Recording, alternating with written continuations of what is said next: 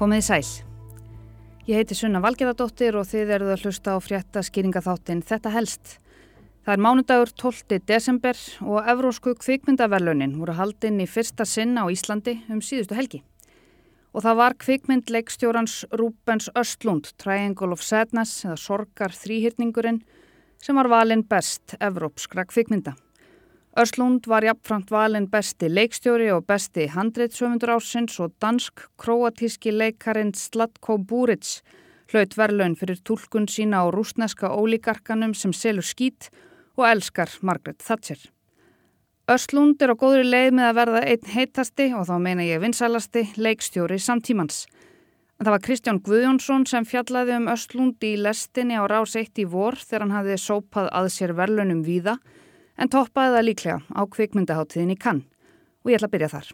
La Palme d'Or revient au metteur en scène de Triangle of Sadness. Ruben Östlund. Ah, thank you so much.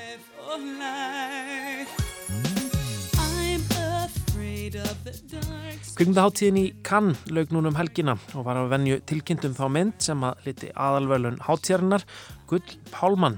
Það var að þessu sinni sænska óhemjan Rúben Östlund sem að hlaut verlunin fyrir nýjustu mynd sína Sorgar þrýrningurinn, Triangle of Sadness.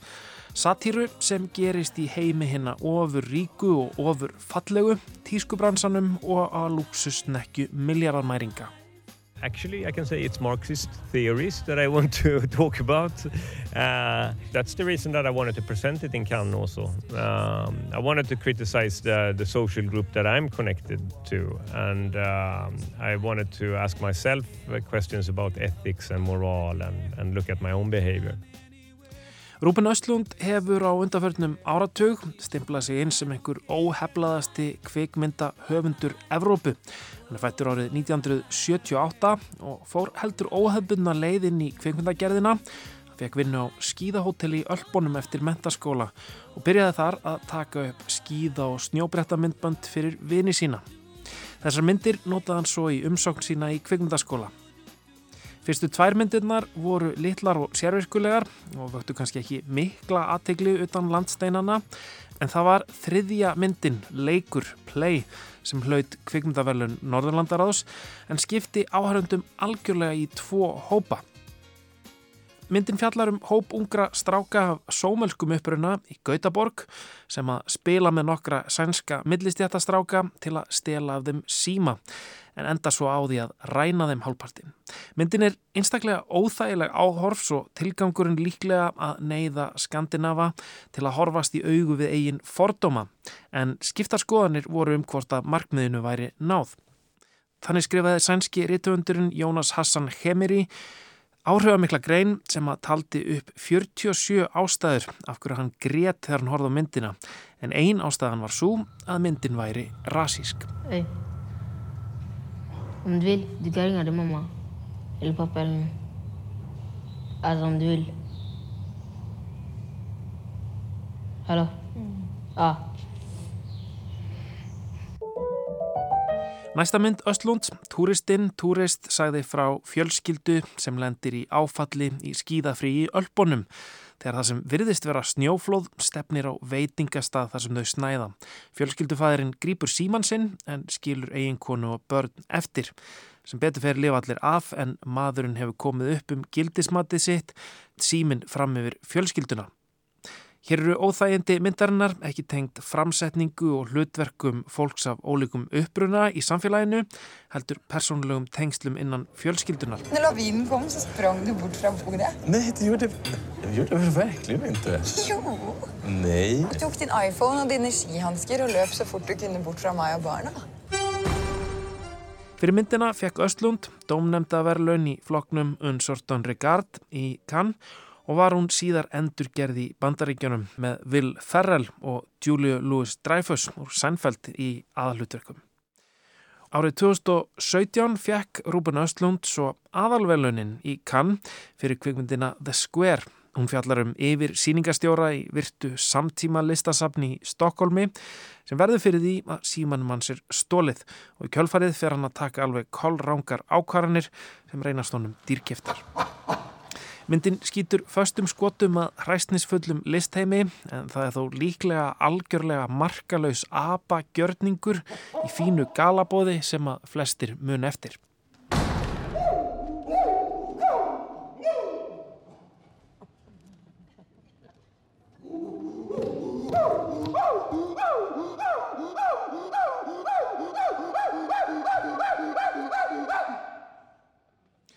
Og nú í sinni sjöttu mynd beinir Rúben Östlund sjónum sínum að tísku bransanum og heimi hérna ofur ríku í sorgar þrýðningnum og ennu aftur hlýtur hann náð fyrir augum domnefndar meðlema í. Classic. Uh, the most powerful single force in the world today is man's eternal desire to be free and independent. Kennedy. Okay. Freedom in capitalist society always remains about the same as it was in ancient Greece. Freedom for slave owners. I know. Vladimir Lenin. School. Ah. Russian capitalist and an American communist. Oh. On a $250 million luxury yacht. Þegar Öslund var til viðtalsvegna play fyrir tíu árum síðan líst hann áhugaverðu atviki sem hann lendi í á kann það ár. Þegar franskur bladamæður spurðan hvort hún væri bara illa við svart fólk. Østlund viser i en stærk film et Sverige med etniske konflikter og et land med social uro under den polerede overflade. En av de första reaktionerna som jag mötte när vi hade premiären i Cannes, det var eh, en fransk journalist som frågade mig så här, So, you don't like black people? Eh, det var ju chockartade upplevelser att försöka besvara filmen efter det. Eh, jag vill att man ska vara aktiv som, som publik när man tittar. Jag vill att man ska ställa sig frågor. Eh, jag, till, jag vill att man ska få ett problem. Jag vill att man ska få ett, ett stort problem när man har sett den här. Hann vil vekja fólk, láta það spyrja sig spurninga, upplifa innri tókstreitu og líða óþægilega, jafnvel illa. Og ég held að ég geti alveg fullirt að honum hafi tekist það. En eins og ég sagði í byrjun þá hefur Östlund verið að slá jamt og þjætt í gegn undan farin áratug.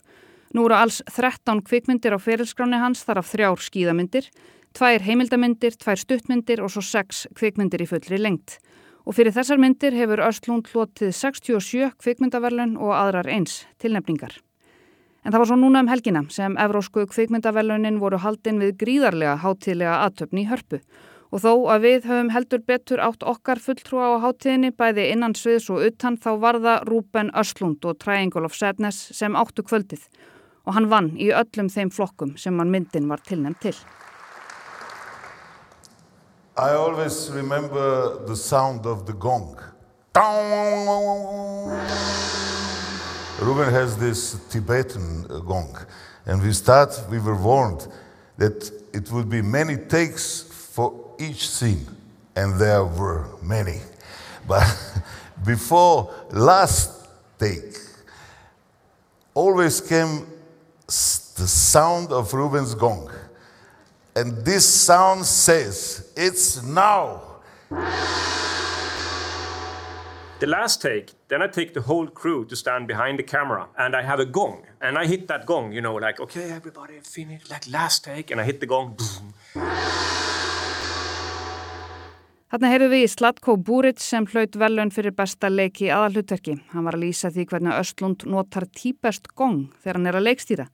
Og svo fann ég líka viðtal við Östlund þar sem hann lýsir einmitt þessari teknisinni líka. And when the sound is completely silent, then you get one of the actors to start the scene with their line. The problem with socialism is that you eventually run out of other people's money. Ah. Margaret Thatcher. Ah. The ship is going under.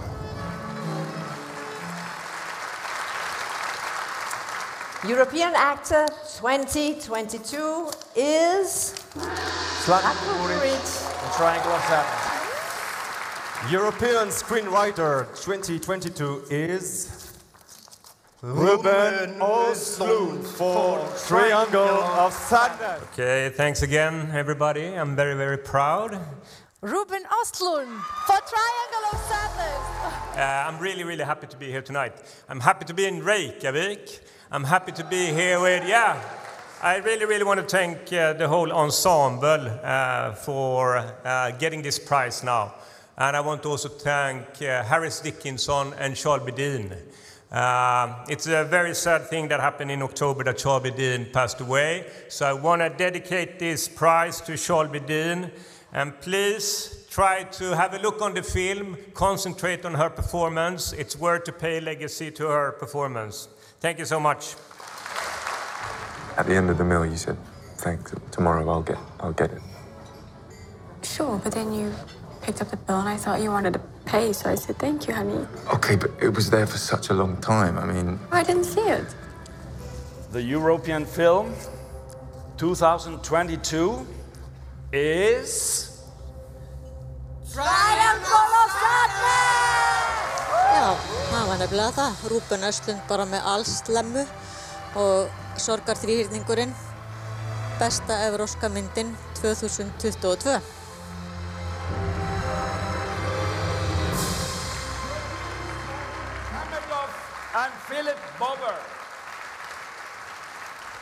Triangle of Sadness átti kvöldið eins og þið heyrið og það var Sigriður Péturstóttir sem listi þessu öllu skilmerkilega fyrir þau sem sátu heima í stofu og voru að horfa en að háttíðin í lokinni núna á lögadagskvöld settist Guðrún Sólei Geststóttir dagskrafgerðarkona niður með Rúben Öslund og tók við hann viðtal.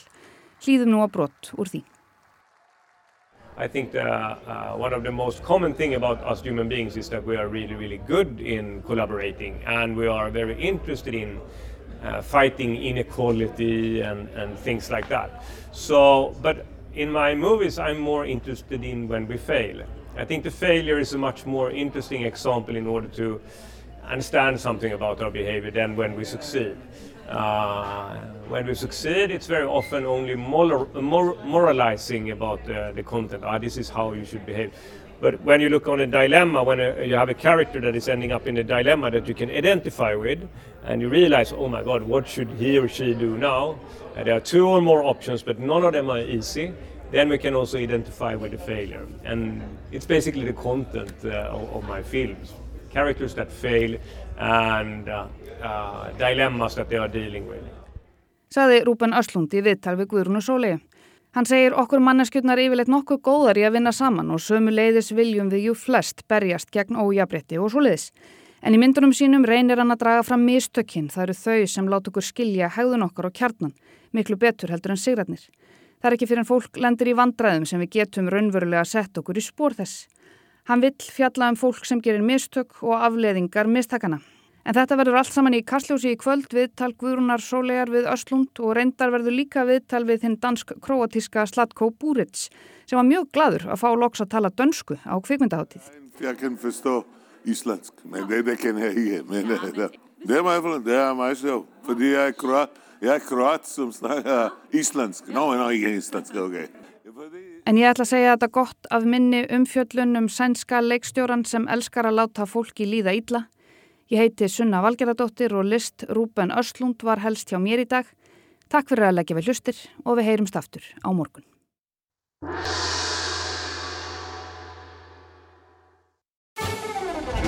So, is this runway casting for a grumpy brand or a smiley brand? So it's a grumpy brand, yeah? Congratulations! Show me that Balenciaga look. Suddenly I'm dressed in something way less expensive It's H&M! Yay! Balenciaga! And H&M! Balenciaga! And H&M! You looks paid for the tickets. Not bad, huh? so what do you do? I sell shit. The success of a luxury cruise mainly depends on you. I don't want to hear anybody saying no. It's always. Yes, sir. Yes, ma'am. I command you. Enjoy the moment. No. No? No. what? You say no to me? No, no. Oh, so it's yes? N yeah, no. Yes? Go in. Yes! Do you think it's possible to wash them? I don't think that's possible, ma'am, because this is a motorized vessel. Yeah. So we don't have any sails. It was sales. Yes. Well, then, in that case, we will clean the sails. Yes. Of course. Yes. What the world needs now is love, sweet love. It's the only thing To love. that To love. just too love.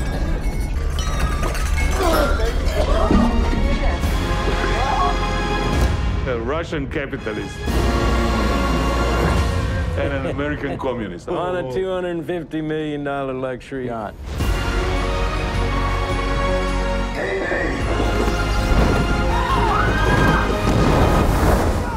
The ship is going under. What the world needs now is love, sweet love. No, not just for some, but for everyone.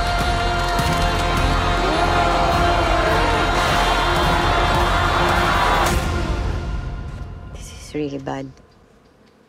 This is really, really bad.